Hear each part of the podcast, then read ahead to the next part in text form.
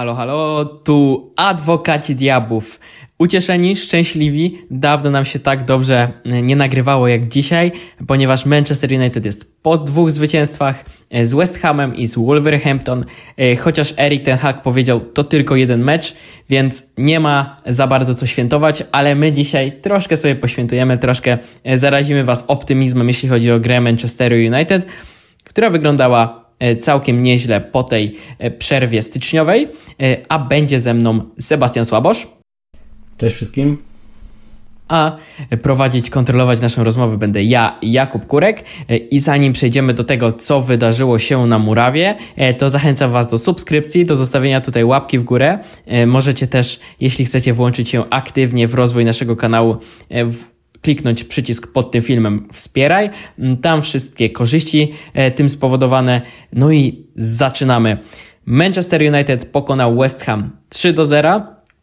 E, jeśli chodzi o XG, no to West Ham miał nieco wyższe, ale e, ono nieco zakłamuje rzeczywistość. Manchester United zagrał dobre spotkanie, które w miarę kontrolował.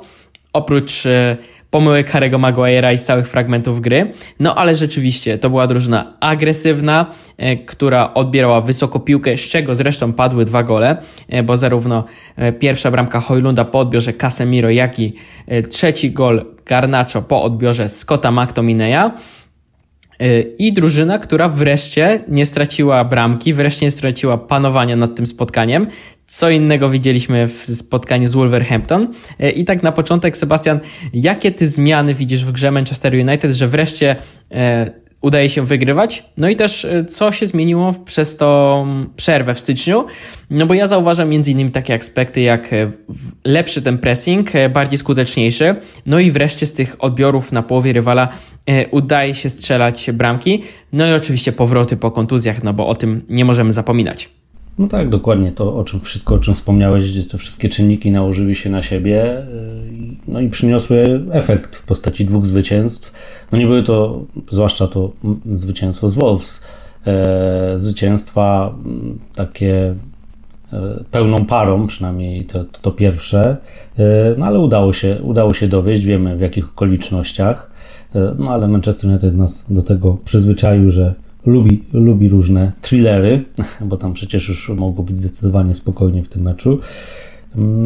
No a co się przede wszystkim zmieniło? No, zmieniło się jedna kluczowa rzecz. Po prostu zaczęliśmy strzelać więcej bram, bramek niż e, traciliśmy. Więc to jest, to jest kluczowa sprawa, no bo... Słuszna uwaga. Dwóch, w dwóch meczach ligowych, no bo jeszcze e, tutaj sobie też wynotowałem z ciekawości, jak to ogólnie wygląda, ale w dwóch meczach ligowych strzeliśmy, w ostatnich dwóch meczach Wolves i, e, West, Ham, i West Hamie, bo rozumiem, że porozmawiamy sobie, nie będziemy rozgraniczać tych meczów osobno i porozmawiamy sobie po prostu o, o całym tygodniu e, tak, i, tak. tych wynikach. No padło, padło 7 bramek z naszej, z naszej strony, bo 4-3 z Wolves, 3-0 teraz z West Hamem. I to jest y, mniej więcej 1 trzecia bramek, jak my strzeliśmy w poprzednich 21 meczach e, Premier League, co pokazuje, no, jaki to grad goli jak na naszą drużynę e, w tym sezonie i w tym, w tym co do tej pory prezentowało, więc no, no jest to powód do jakiegoś na pewno optymizmu, jeżeli chodzi o mm, to rozruszanie, rozruszanie w ofensywie. A w ogóle patrząc od meczu E, z Aston Villą i tego, tego pamiętnego powrotu e, z 0-2 na 3-2 e, pod koniec grudnia, no to w siedmiu meczach strzeliśmy 19 bramek, co daje średnią 3 goli na mecz. Oczywiście po drodze było Wigan, był, było Newport, niżej notowani rywale w, w, puchar, w Pucharze Anglii, E, no ale no to też się wlicza, też e, gdzieś te strzelby były lepiej nastawione niż, niż tej pierwszej części sezonu, więc na to można na pewno patrzeć e, z jakimś optymizmem i nadzieją, że, że może rozruszamy ten przód i choć w tyłach wciąż jednak bywa wiele do życzenia, choć fajnie, bo udało się z West Hamem zagrać na zero, ale tak jak mówisz, no, jakby patrzeć na same statystyki, to tak sobie spojrzałem, bo jakby optycznie wydawało się, że dzisiejszy mecz e, no, był bardziej zdecydowanie dla nas niż, e, niż ten z West Hamem, e, z, z Wolves, przepraszam. A po, po, statystykach można odnieść wrażenie, że było wręcz odwrotnie, bo tak jak wspomniałeś, XG było większe dla West Hamu, u nas było 0,8, West Ham miał chyba 1,7. No 1,8 nawet czy 1.8. Tam Onana się sprawiał w kilku, w kilku sytuacjach, to fakt, bo stałe fragmenty gry to wiadomo, że to jest mocna strona. Chwalisz Onanę? Wow. West Znaczy, no chwalę, no wybronił to, co powinien wybronić, no czy tam było, no może jedna ta interwencja taka e, na refleks była naprawdę, naprawdę niezła. Tam po tym rykoszecie, tam chyba uderzał na początku Sołczek, ale jeszcze był tak, po drodze no, stał w odpowiednim miejscu, ale na szczęście no, jednak wyciągnął się i, i, rzucił. E, no i ogólnie no, dzisiaj zdecydowanie pewniej to wyglądało. No, Wolves e, raczej nie było to tak, tak pewne.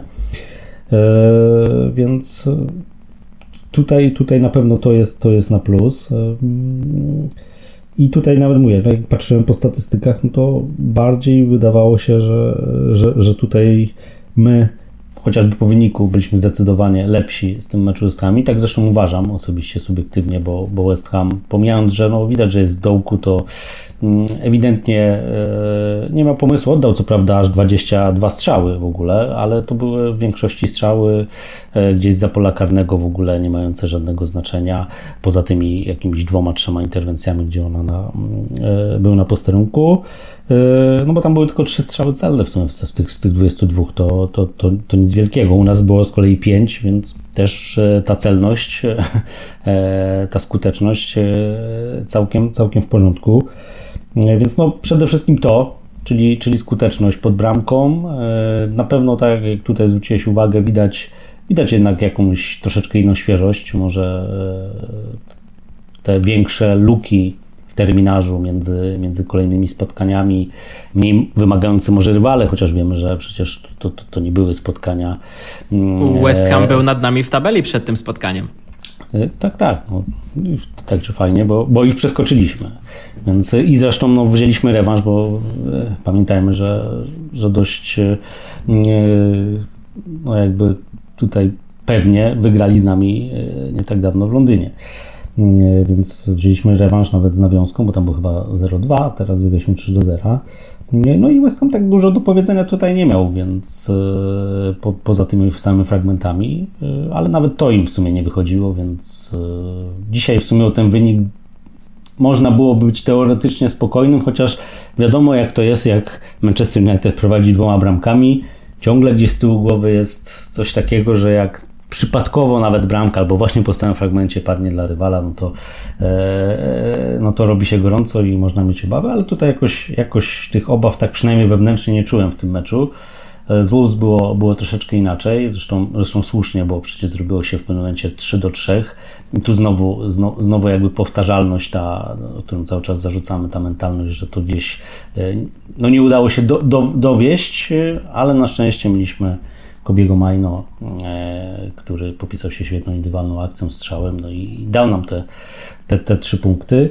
No i ogólnie teraz tak patrząc w sumie, jak zaczęliśmy ten rok, mm, to można być na razie zadowolonym, no bo mamy pięć meczów, co prawda są ci niżej notowani rywale, o których wspomnieliśmy, e, no ale one też wpisują się w statystykę i mamy cztery cztery zwycięstwa i remis e, no, z Tottenhamem, tak? czyli tam z przeciwnikiem, który w tym sezonie no, jest dość mocny, e, nie ma co ukrywać.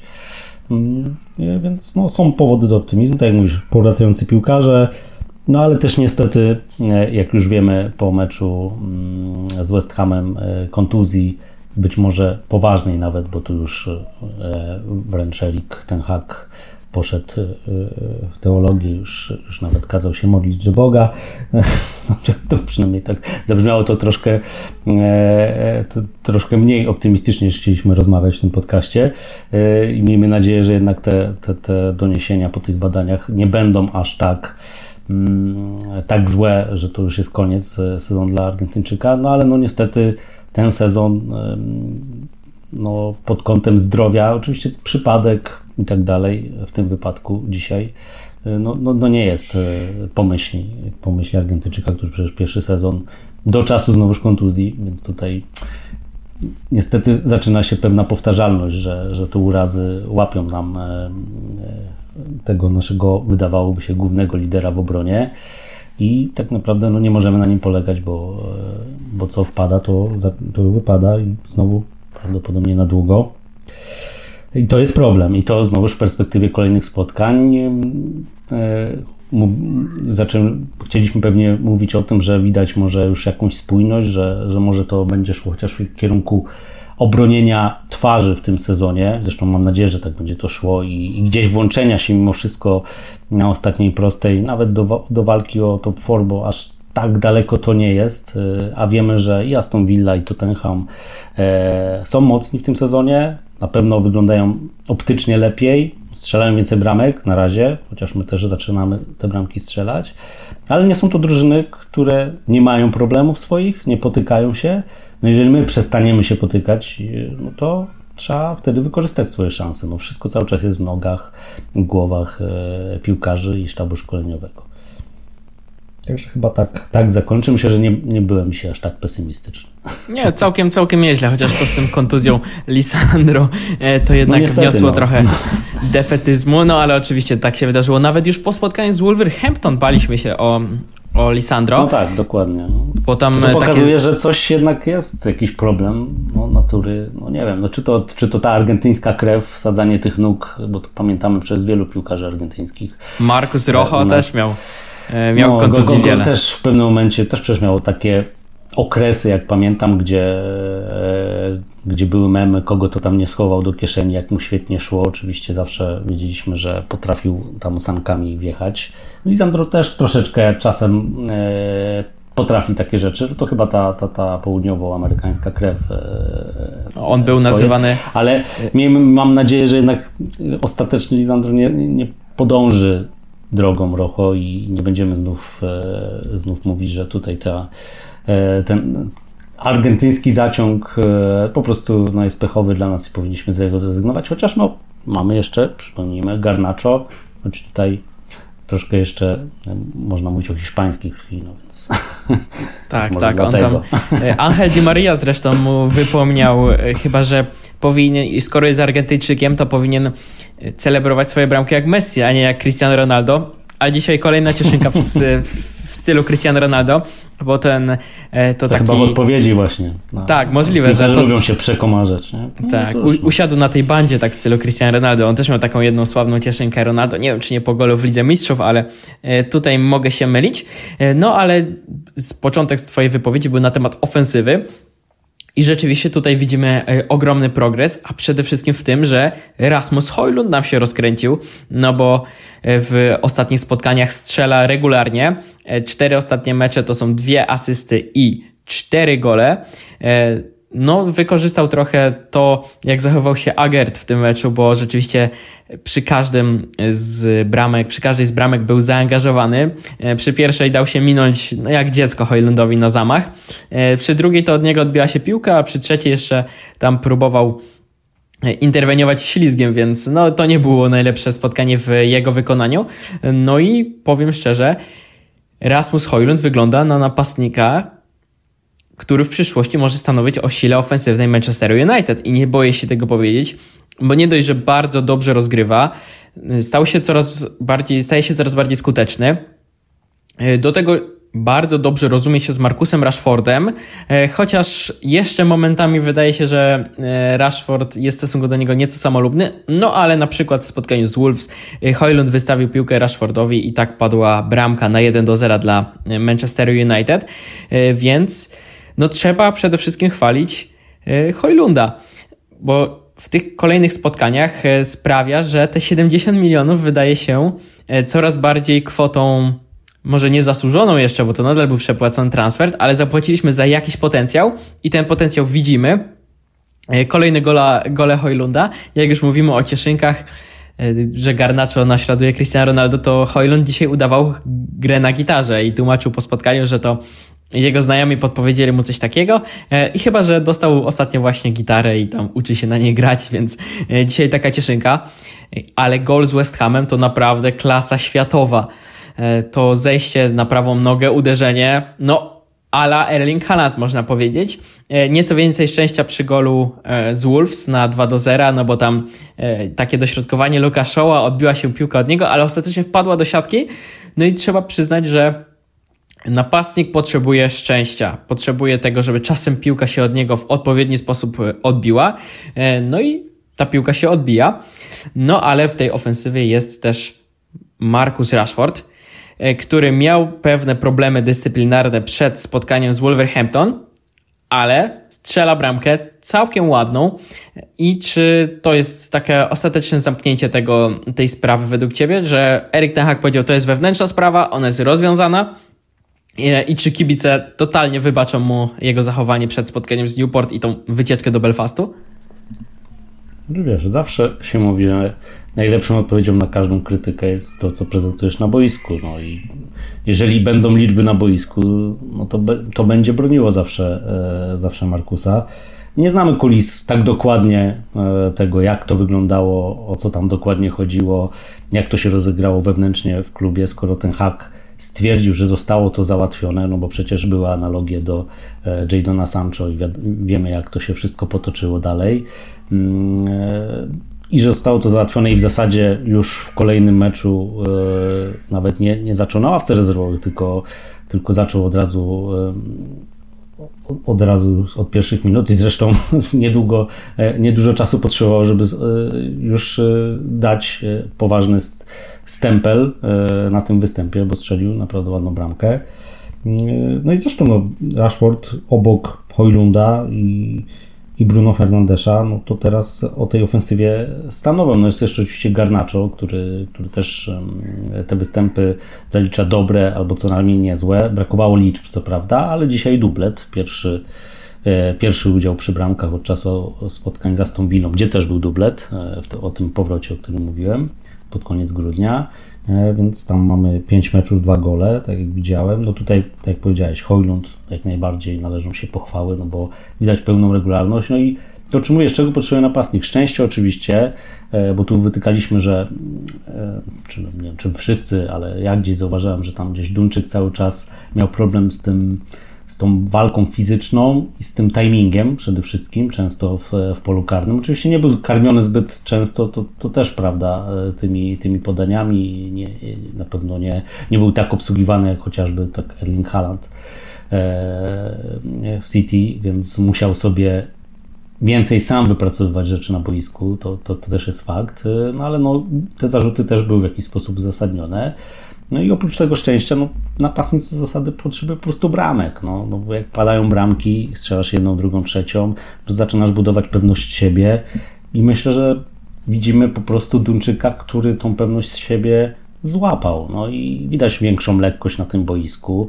E, są oczywiście pewne mankamenty, no ale to, to, to jest wciąż bardzo młody piłkarz, e, nad którymi nad tymi mankamentami możemy popracować. Obecnie już jest e, naszym najlepszym strzelcem w tym sezonie, bo tam chyba 10 goli we wszystkich rozgrywkach. Tak, 10 goli.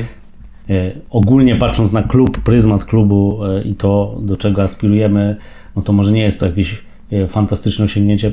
Nie mówię o Hojlundzie jako indywidualnie, tylko ogólnie, że 10 goli to jest w lutym jakaś, jakiś świetny wyczyn w takim klubie, no ale no, ma, jesteśmy w takiej sytuacji, jakiej jesteśmy, no i Hojlund no tą barierę przełamuje. Nie przełamuje Rashford, który miał być głównym motorem napędowym.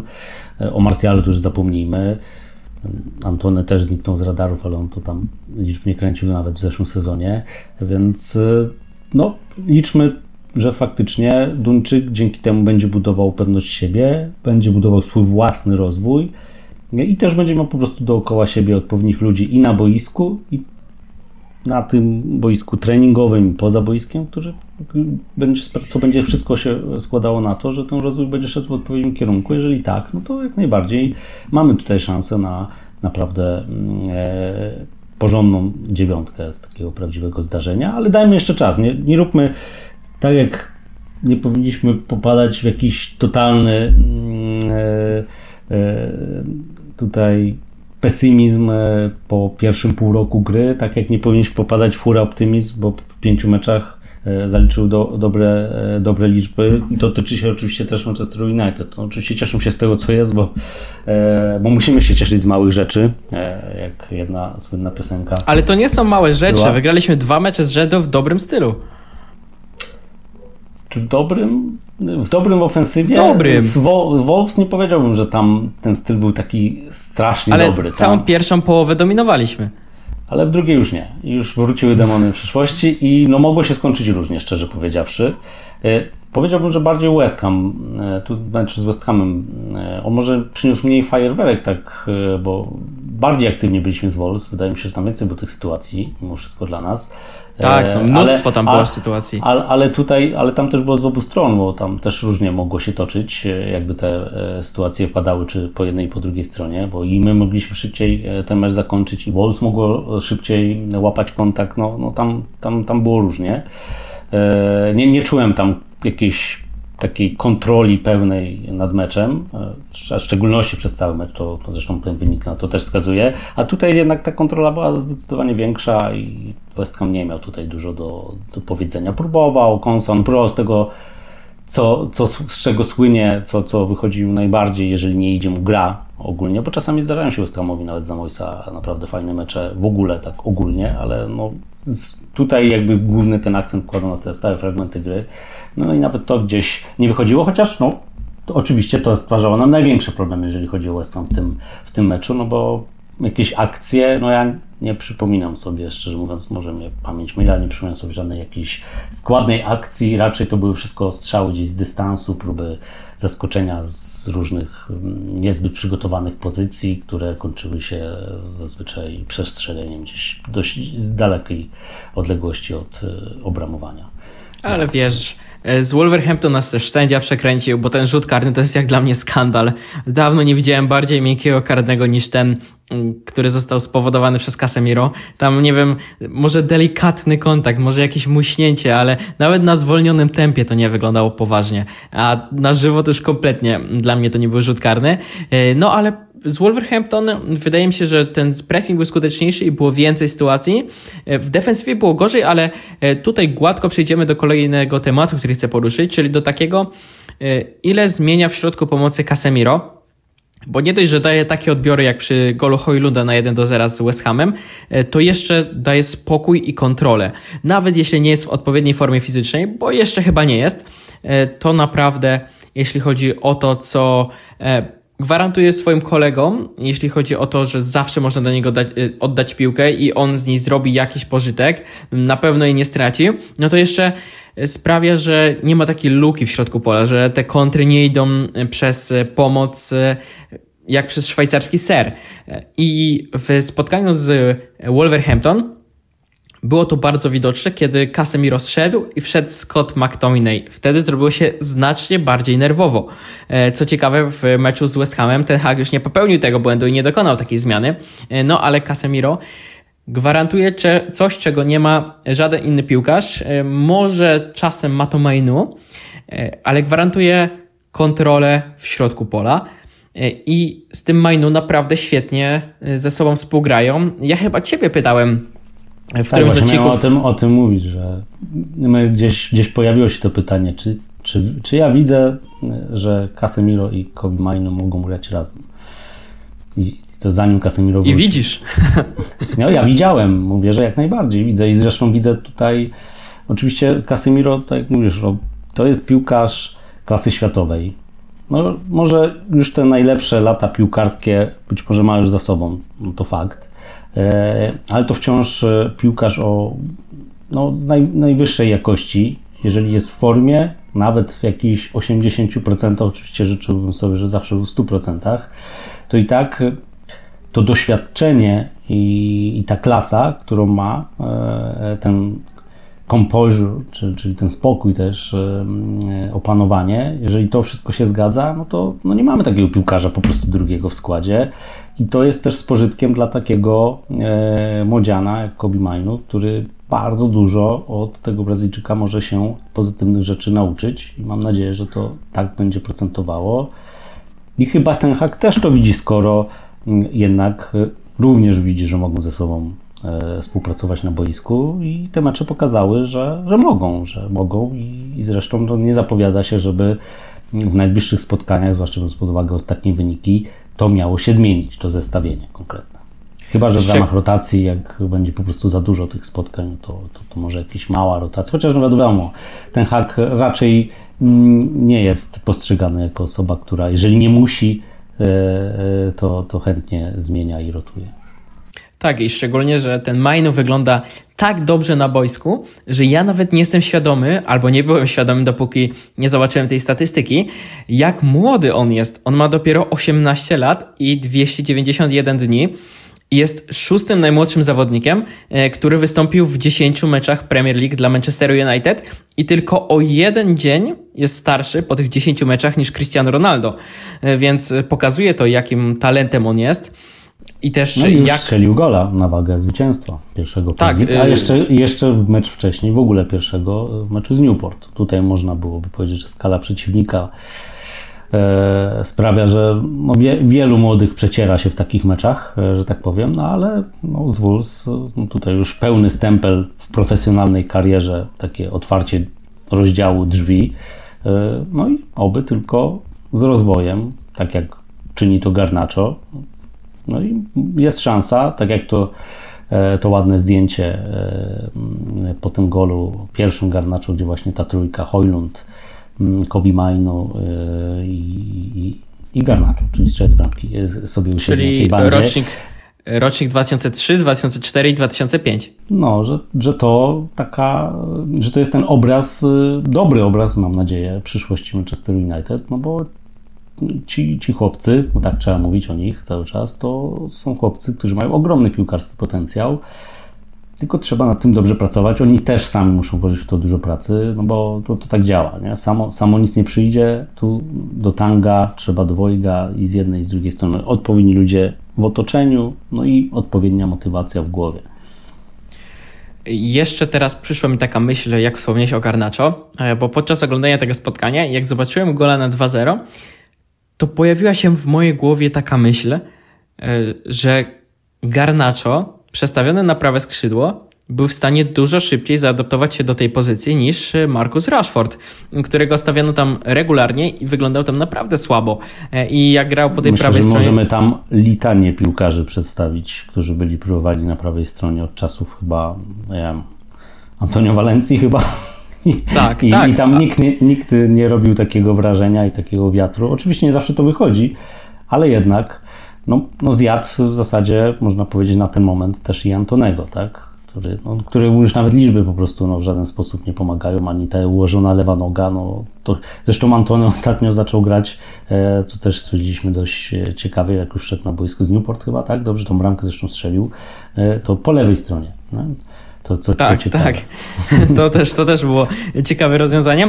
Jadon ale... Sancho, ilu, ilu piłkarzy tam kupiliśmy i to jakie, jakie miliony tam w ogóle były wydane. Oczywiście Rashford to wychowane to inna sprawa, ale no przecież Tony Martial był próbowany na prawej stronie, przecież było tak. To, to prawda dawno i nieprawda już, znaczy dawno i prawda, może mało, mało kto o tym pamięta, ale Antony Martial też był e, e, często swego czasu wykorzystywany, próbowany może w ten sposób na prawej stronie, a na lewej na przykład Rashford. Były takie pomysły i to też y, był ten sam kazus, że no jednak Antony Marsan na prawej stronie i tak ciągle o tych y, i Jadona Sancha kupiliśmy na prawą stronę, ale jednak ustawiamy go na lewej i, i wszyscy w ogóle zachodzili w głowę, o co chodzi z tą prawą stroną.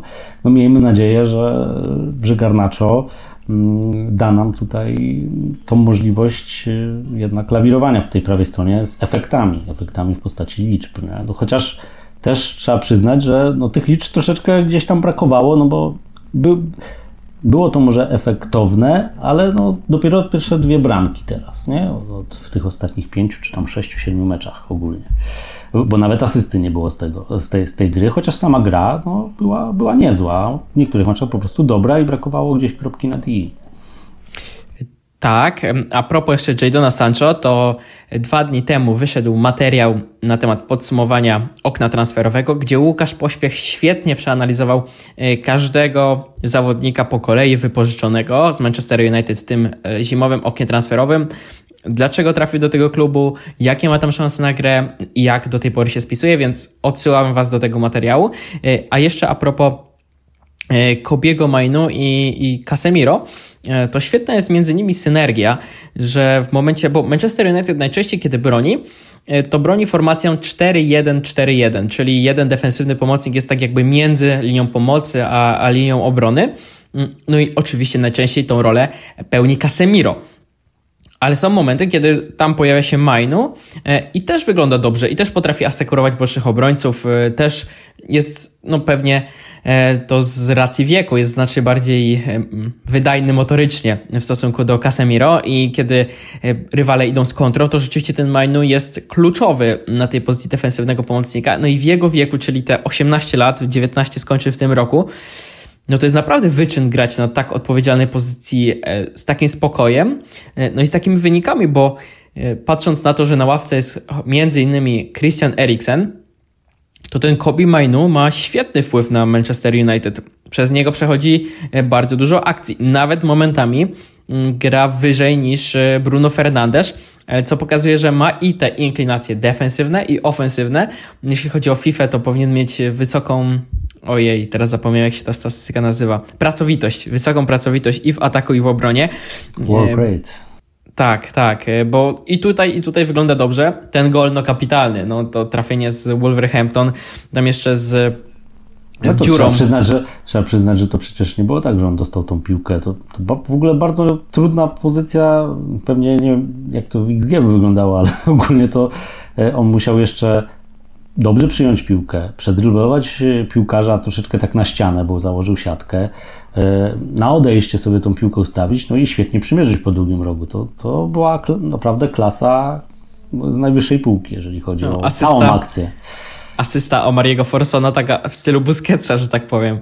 Znaczy, bo gdzieś tam z boku wiesz, podaje takie, na 3 metry. To są, to są takie asysty do statystyk fajnie, no bo robią liczby, ale wiesz, no asysta asyście też jest nierówna, no bo czasem komuś się odbije, yy, no czy nie mówię, że tu się odbiła, nie, ale wiesz o co chodzi, że czasem się komuś od, od piszczela koślawo odbije piłka, Lewandowskiemu pod, na przykład. Pod, pod, pod, pod, nogę e, kolegi, który odda zaraz strzał, no i ta asysta jest, no, a czasem ktoś po prostu świetnym krosem, zagraniem krzyżowym, jakimś prostopadłym podaniem, no jakieś ciasteczko zagra do kogoś i tylko, i tylko pytać, który róg, no, no dlatego asysta się też nierówna, no ale no na pewno fajnie, no bo to też buduje, no tu mówimy tu znowuż o kolejnym bardzo młodym chłopaku, który gdzieś, e, gdzieś też jest poważany w Akademii o Forsonie.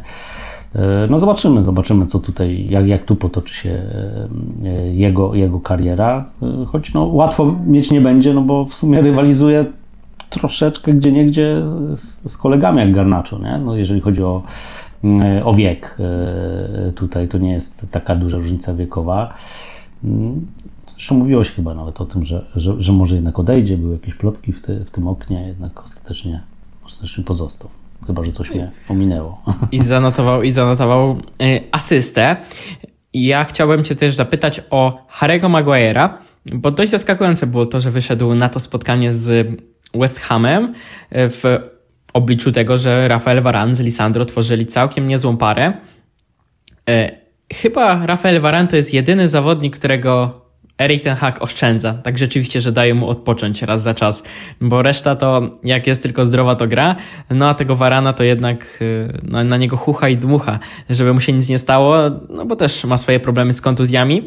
E, no i w tym spotkaniu z e, z West Hamem popełnił dwa takie kluczowe błędy w drugiej połowie. Raz uratował go Diogo Dalot, e, bo tam w ostatniej chwili ślizgiem wygardał piłkę chyba Jaredowi Bowenowi po tym jak e, Harry Maguire minął się z piłką zagraną górą. No i raz, e, kiedy sytuację chyba miał Emerson, e, też na początku drugiej połowy Harry Maguire stracił piłkę, no i Emerson miał bardzo dobrą sytuację, na szczęście dla Manchester United przestrzelił.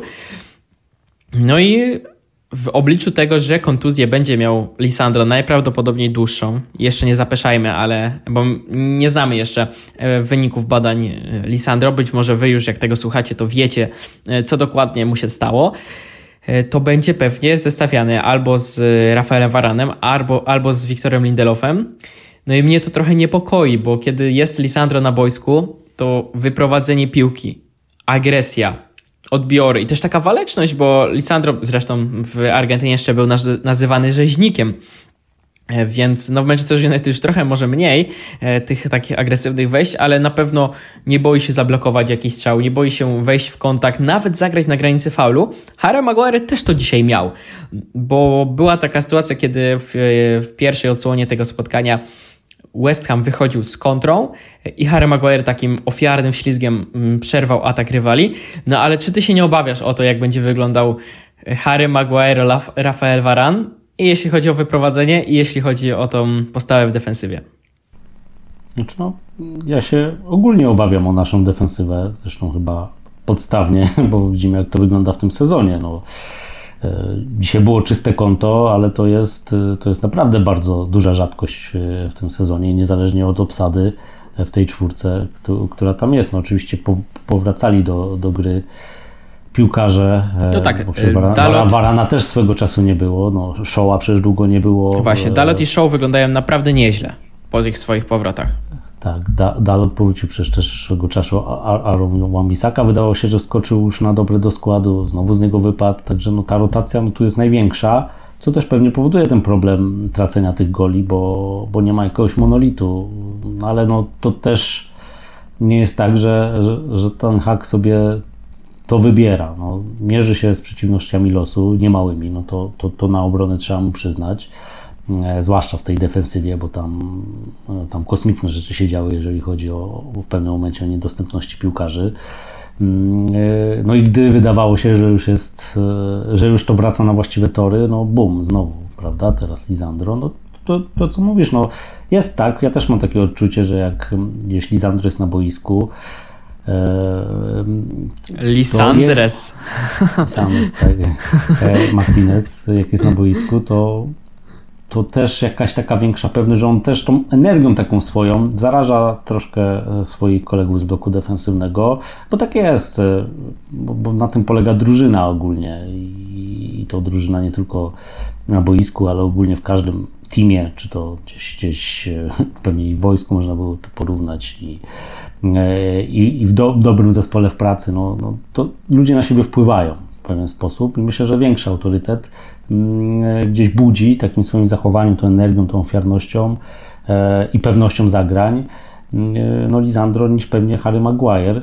E, a Maguire'a no pewnie wynika to, po pierwsze, no, pewne rzeczy się przyzwyczailiśmy, że, że Maguire nie jest obrońcą idealnym i przydarzają mu się błędy, chociaż trzeba przyznać, że, że jak już skoczył e, przecież, e, bo to nie będzie pierwszy zna, że jeżeli wskoczy do składu w tym sezonie z powodu kontuzji, no to raczej mówiliśmy o renesansie formy, ale nie było, nie było takich obaw i powrotu do tego, E, z czego znaliśmy Harry'ego Maguire'a. Do niego Ale można dzisiaj, było, można dzisiaj było była taka namiastka, co? Takiego no, powrotu. No było, ale to też wiesz, to też e, oczywiście no gorzej by byłoby, jakbyśmy stracili po tym bramki i, i, gdzieś, e, gdzieś ten wynik zacząłby wisieć na włosku, to wiadomo, no tak się nie stało, więc, więc pewne rzeczy się troszeczkę bardziej wybacza. Mm, oczywiście nie powinny one mieć miejsca, ale to pewnie wynika mm, z tego braku też ogrania, nie? Czyli no jak nie grasz, nie masz rytmu meczowego, masz mniejszą pewność siebie, mniejsze wyczucie pewnych, pewnych rzeczy na boisku. E, i stąd pewnie takie, takie błędy się pojawiają, więc być może jeżeli z, z tego, mm, e, z tej wymuszonej sytuacji kontuzji Lisandro, no bo nie ma się tu szukiwać, tutaj się szykuje przerwa, pewnie dłuższa, oby nie bardzo długa, bo to z tego, co e, tak można wywnioskować z wypowiedzi ten Haga pomeczowych, że to jest coś pomiędzy czy czy jeszcze zobaczymy go w tym sezonie, czy, czy, czy, czy raczej po prostu nie zobaczymy go przez miesiąc, półtora. Mm, jeżeli tutaj wróci Maguire, e, bo będzie musiał grać, no jest jeszcze oczywiście Lindelof, e, więc trudno powiedzieć, ale wydaje mi się, że chyba tak patrząc na, na przekrój tego sezonu, gdzieś ten hak sobie ustalił tą na razie hierarchię tak, że, że raczej, raczej Maguire wchodzi w tym momencie mm, e, na środek obrony no to jeżeli będzie grał i będzie pokazywał tą formę mm, z tego pierwszego wymuszonego okresu gry, no to myślę, że nie, nie, nie powinno być takiej tragedii, jeżeli chodzi o, o, niego indywidualnie, ale jak to będzie się przekładało całkowicie na zespół, no to trud, trudno powiedzieć. No, na szczęście jest też jeszcze Casemiro, czyli kolejny, który jeżeli jest w formie, mm, e, też potrafi zarażać, ma podobne takie predyspozycje jak Lisandro, to czy to południowcy tak mają, e, potrafi też pozytywnie zarażać resztę, więc może, może on przejmie tę rolę. no tak, zakresie. tak, jak spojrzymy na to z pewnej perspektywy, to wróciło chyba dwóch najlepszych zawodników poprzedniego sezonu. Mm, owszem, Lisandro kończył z kontuzją, był jeszcze Marcus Rashford, no ale w tej trójce pewnie Lisandro, Casemiro i Rashforda byśmy no, zeszłe, zeszłego sezonu tak, ale pamiętajmy, że początek sezonu i to też nie było tam, że to był jeden mecz, dopóki tam nie, wypa nie wypadli jeden i drugi, no to no, katastrofalnie to wyglądało i w przypadku jednego i drugiego. No, wiemy już, że jeden prawdopodobnie może grał z urazem, co też, co też mówimy o Lisandro, zresztą znowu ma uraz. No a drugi no, nie wszedł z formą w, w sezon kompletnie. E, później zapał tą kontuzję, no i mam nadzieję, że teraz tą formę po prostu odbuduje. No się to nie uda, już wiemy, bo, bo, bo ledwo wrócił, już niestety wypadł. No ale no tutaj no, też Ale, niefortunna sytuacja, no bo to też e, znamy okoliczności tej kontuzji, no to, e, to też też nie była przecież e, jakaś, albo ani jakiś celowy ślizg rywala, czy złośliwe, ani jakieś e, rzucanie się hura e, w stylu Rocho głową, nogą i wszystkim, co się da, żeby, żeby czy styl, styl Erika Bajego, no to też kolejny agent, który u nas podobne rzeczy robił i podobnie kończył zresztą. E, więc, trafnie, więc tutaj, tu, tu, tutaj po prostu po prostu no, gdzieś no nie fart, no, zwykły pech szkoda bardzo, bo po ludzku po prostu szkoda, szkoda tego piłkarza, bo on na pewno też w środku musi to e, bardzo przeżywać. E, liczę jednak, że to jest ta argentyńska krew, no i ten Butcher, ten rzeźnik, który jest w nim widziany i tak jest określony, no gdzieś e, ta jego mocna psychika weźmie górę i wróci mimo wszystko cały czas silniejszy, mimo może ten sezon będzie musiał uznać za stracony, bo prawdopodobnie na to się, na to się zanosi, bo, bo, bo za dużo tych nieobecności. Y, ale oby to nie była kontuzja, która jeszcze wykluczy go z początku przyszłego sezonu, czyli mówimy już o najgorszym scenariuszu, jakim zerwaniu więzadeł. Tylko po prostu będzie mógł spokojnie popracować nad wyczyszczeniem się z wszelkich, e, wszelkich problemów zdrowotnych i wejście w nowy sezon no, to już trudno powiedzieć, bo to będą pewnie bardzo różne, e, mogą być całkiem, może nie całkiem, ale dość odmienne środowisko niż to, które teraz na razie znamy, jeżeli chodzi o Manchester United, bo wiemy zmiany właścicielskie, pewnie jakieś transfery, nie wiemy co ze sztabem, co z Elikiem, no różne rzeczy mogą się zadziać do tego czasu, no ale no zakładamy, że raczej tutaj Lisandro, niezależnie od tego, no będzie w przyszłym sezonie, więc no co nam pozostaje? Życzyć, trzymać kciuki przede wszystkim, żeby prześwietlenia wyszły w kierunku, że nie jest tak źle, jak się spodziewano. No jednak szedł, szedł o własnych siłach, więc jakieś prognostyki z tego mogą być. Zresztą wrócił na boisku, może niepotrzebnie, ale, ale wrócił, e, bo, bo myślał, że może da się to jakoś, jak to się mówi, rozbiegać, ale się nie udało. Mm, no i trzymać kciuki za to, żeby, żeby jednak e, ta przerwa nie była długa, a kontuzja nie była aż tak poważna, jak, e, jak można wywnioskować e, z wypowiedzi Ten Haga, no ale no nie, nie wygląda to optymistycznie. Ja jeszcze sobie w tym momencie przypomniałem, że przecież Sofian Amrabat wraca do składu i Mason Mount jest ciągle mm, kontuzjowany. To tak patrząc no na środek pola, to tam jest jeszcze na ławce... zapomnieć o tych piłkarzach, prawda? Tak, bo tak. Ja, no ja, ja o Amrabacie to już w zasadzie, ja już myślałem, że on zakończył wypożyczenie, tak. szczerze mówiąc, bo to jest już... skrócony tak, jak Regilon. Tak, tak odległa, odległa przeszłość, kiedy pamiętam go na boisku i tak niewiele w sumie wniósł, poza jakimiś pojedynczymi, może dwoma meczami, e, gdzie zbierał te dobre recenzje, że że no tutaj raczej się nie zapowiada oczywiście na, tak mi się wydaje, raczej e, na, na wykup definitywny.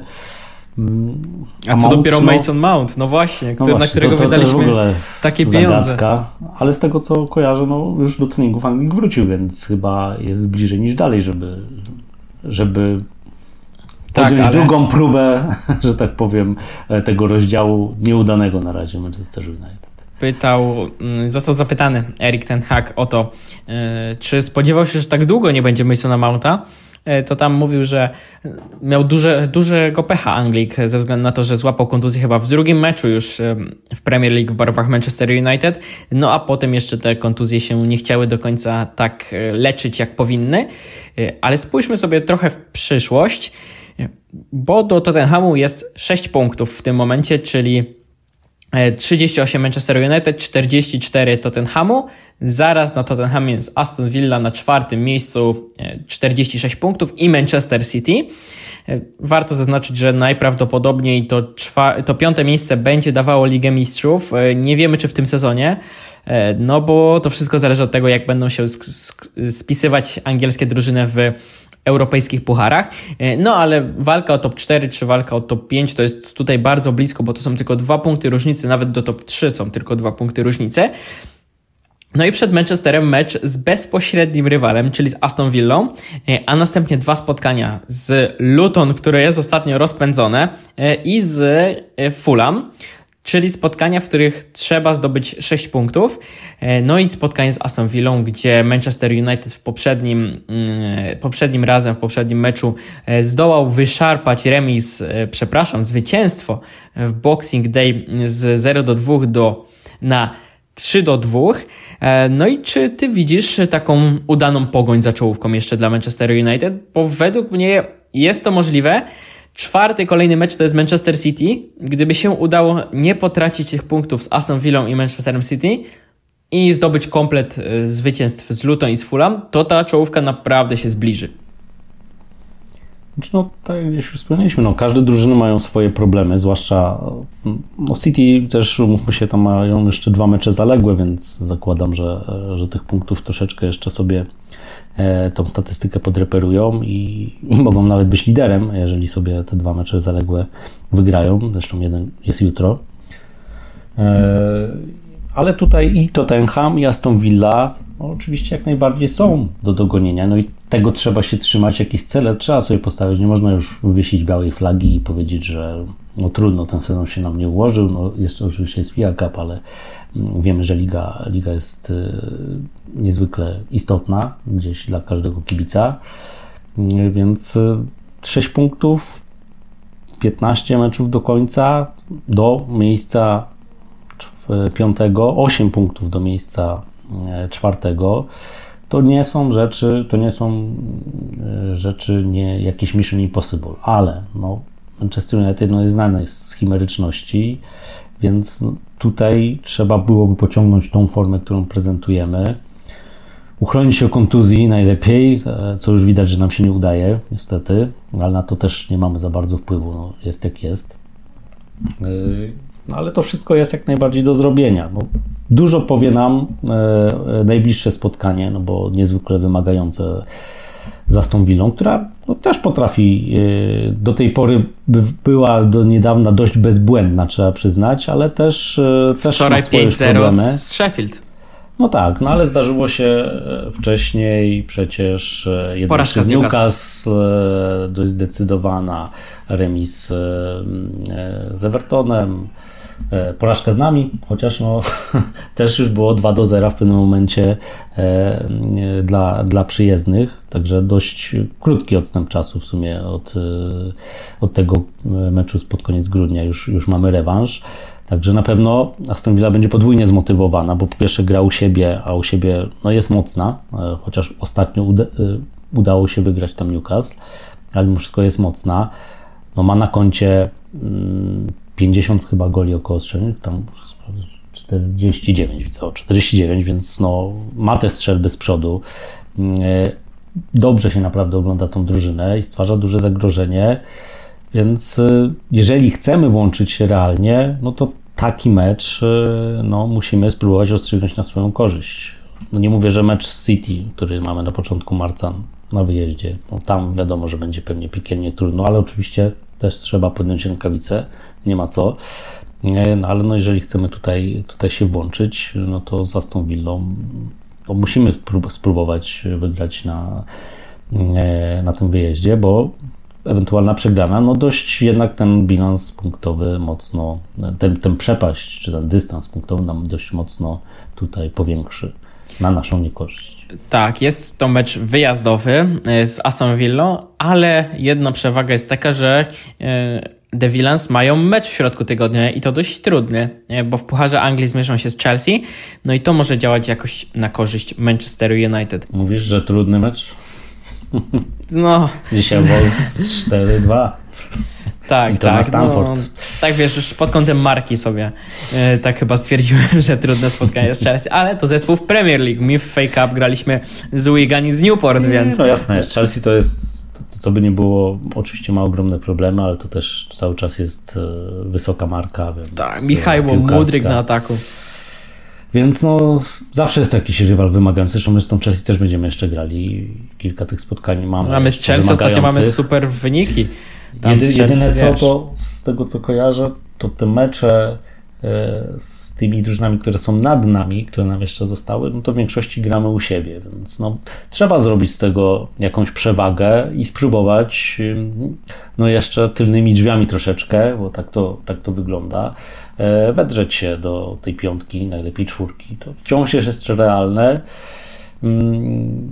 Nie chodzi mi o to, żeby tutaj dawać jakieś złudne nadzieje, bo Manchester United nieraz już potrafiał nas nabierać po kilku meczach, że o, jest światełko, czy tak jak ty gdzieś tam wspomniałeś, latarnia, e, że nawet nie światełko tunelu, ale gdzieś latarnia na horyzoncie. E, No myślę, że nie ma co podać w optymizm, e, ale na pewno widać ewidentnie, że, że ro- rozchulała się troszeczkę ofensywa i miejmy nadzieję, że siłą rozpędu to pójdzie dalej. No wiemy, że w zeszłym sezonie, co też warto zanotować, no ten najlepszy okres nasz gry, no to był między grudniem a końcówką lutego, no bo w marcu na początku przyszło 0,7 z pulem. No teraz na początku gramy z City, mam nadzieję, że nie będzie analogii mimo wszystko. E, I, no i że tutaj jakby ten okres gdzieś powtarza się, że Manchester United ma dość dobry, zresztą ty też gdzieś chyba wspominałeś tą statystyką, że w lutym jeszcze nie przegraliśmy, czy dawno nie przegraliśmy. Od lutym. 2018 roku nie przegraliśmy w lutym, co jest 6 lat. Ciekawa statystyka, przyznasz, że... My, my, myślałem, że dłużej, ale okej, no powiedzmy. No, sześć trzeba, lat to jest trzeba, za krótko? Trzeba się, czegoś, trzeba się czegoś trzymać. Nie, no biorąc pod uwagę, że do tej pory luty raczej kojarzył się z jakimiś pojedynczymi meczami w Premier League, no bo zazwyczaj były puchary europejskie. Tam może jeden, dwa spotkania w lidze, poza tym luty zawsze jest krótszy troszeczkę, te dwa, trzy dni.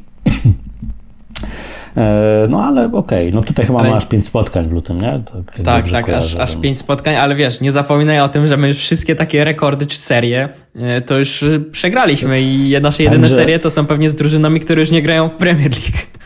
To może, to może już nie podpowiadajmy o jakichś rekordach. Zresztą na, ja nie jestem takim wybitnym fanem, bo tak naprawdę ja podziwiam w ogóle tych ludzi, którzy te statystyki wyciągają. Ale wiesz, wiesz dlaczego ja te wszystkie statystyki znam? Bo ja piszę dla, do, do nas na stronę zapowiedzi. No i tam ta ostatnia rubryka to są właśnie takie ciekawostki statystyczne, no i stąd one gdzieś tam No to ja mówię, ja chcąc podziwiam- nie chcąc w mojej głowie ludzi, zostają. Podziwiam tych ludzi, którzy to tworzą, ale to też pokazuje mi, że do, do wszystkiego da się przypiąć jakąś statystykę, jakąś ciekawostkę, żeby, żeby obudować, czasem na siłę, ale obudować jakkolwiek troszeczkę mecz czy znaczenie, nie wiem, miesiąca, dnia, spotkania, tak. czegokolwiek po prostu. Jeżeli ktoś ma tezę postawić jakąś, to po prostu musi dobrze poszperać, coś znajdzie, coś wymyśli. Albo odnośnie drużyny, a jak nie od drużyny, to menadżera, jak nie menadżera, to, to jakiegoś poszczególnego piłkarza e, kluczowego dla danej drużyny. Zawsze się coś tam znajdzie. No podziwiam, no ja nie jestem aż takim fanem tego wszystkiego. E, Czasami aż, e, aż szeroki uśmiech wywołują mnie niektóre, niektóre rekordy, w- cudzysłowie, jak to tam gdzieś się... Bo kiedyś mi się rekordy, to wiesz, kojarzyły po prostu długa seria no, Invincible e, Arsenalu, tak, długa seria e, zwycięstw, e, jakieś mm, tego typu rzeczy, a teraz już ten słowo rekord dla mnie ono w ogóle straciło na znaczeniu, szczerze powiedziawszy, nie? To tak Mnie są rekordy rekordy, nie? mnie rozbawiło najbardziej, jak pisałem tą zapowiedź i miałem dwie statystyki West Hamu. E, Jedna to była, że nie wygrali jeszcze meczu w 2024 roku. To jest chyba, to był chyba piąty ich mecz, jak się nie mylę. E, A druga była taka, że od siedmiu meczów nie przegrali e, w Premier No League. właśnie, i Bo zależy jaką chcesz poremisowali tam nie? To, że są niepokonani, więc trudni do pokonania, czy że są słabi, bo jeszcze nie wygrali, nie? No i widzisz, no to, to wszystko po prostu kwestia szperania i przedstawiania faktów w odpowiedni sposób. No tak, tak to działa, no. Na koniec jeszcze jedna bezużyteczna ciekawostka. David Moyes już ma tyle spotkań z Manchesterem United e, rozegranych jako menadżer drużyn przeciwnych w Premier League, co rozegranych jako menedżer Manchesteru United, e, taki pierwszy trener Czerwonych Diabłów, więc też kolejna bez, bezużyteczna ciekawostka. Dobrze, za dzisiaj dziękujemy. E, myślę, że Was trochę rozbawiliśmy, wylaliśmy w Was optymizmu, przynajmniej ja się bardzo starałem, żeby to zrobić, bo mnie ten optymizm wypełnia e, i chcę, żeby Manchester United do tej Ligi Mistrzów się dotoczył. Najśmieszniej będzie, jak Manchester United zajmie to czwarte lub piąte miejsce, będzie miał tą kwalifikację do Ligi Mistrzów, a ostatecznie okaże się, że e, to, że Nicea jest również w Lidze Mistrzów nas z niej wyeliminuje. I to już byłoby zrządzenie losu przez te sprawy właścicielskie. E, za dzisiaj dziękuję Wam Jakub Kurek i był ze mną Sebastian Słabosz. Dzięki wielkie, do usłyszenia. Napiszcie w komentarzu, czy Manchesterowi United uda się awansować do Ligi Mistrzów. Zostawcie łapkę w górę, subskrypcję i trzymajcie się. Cześć!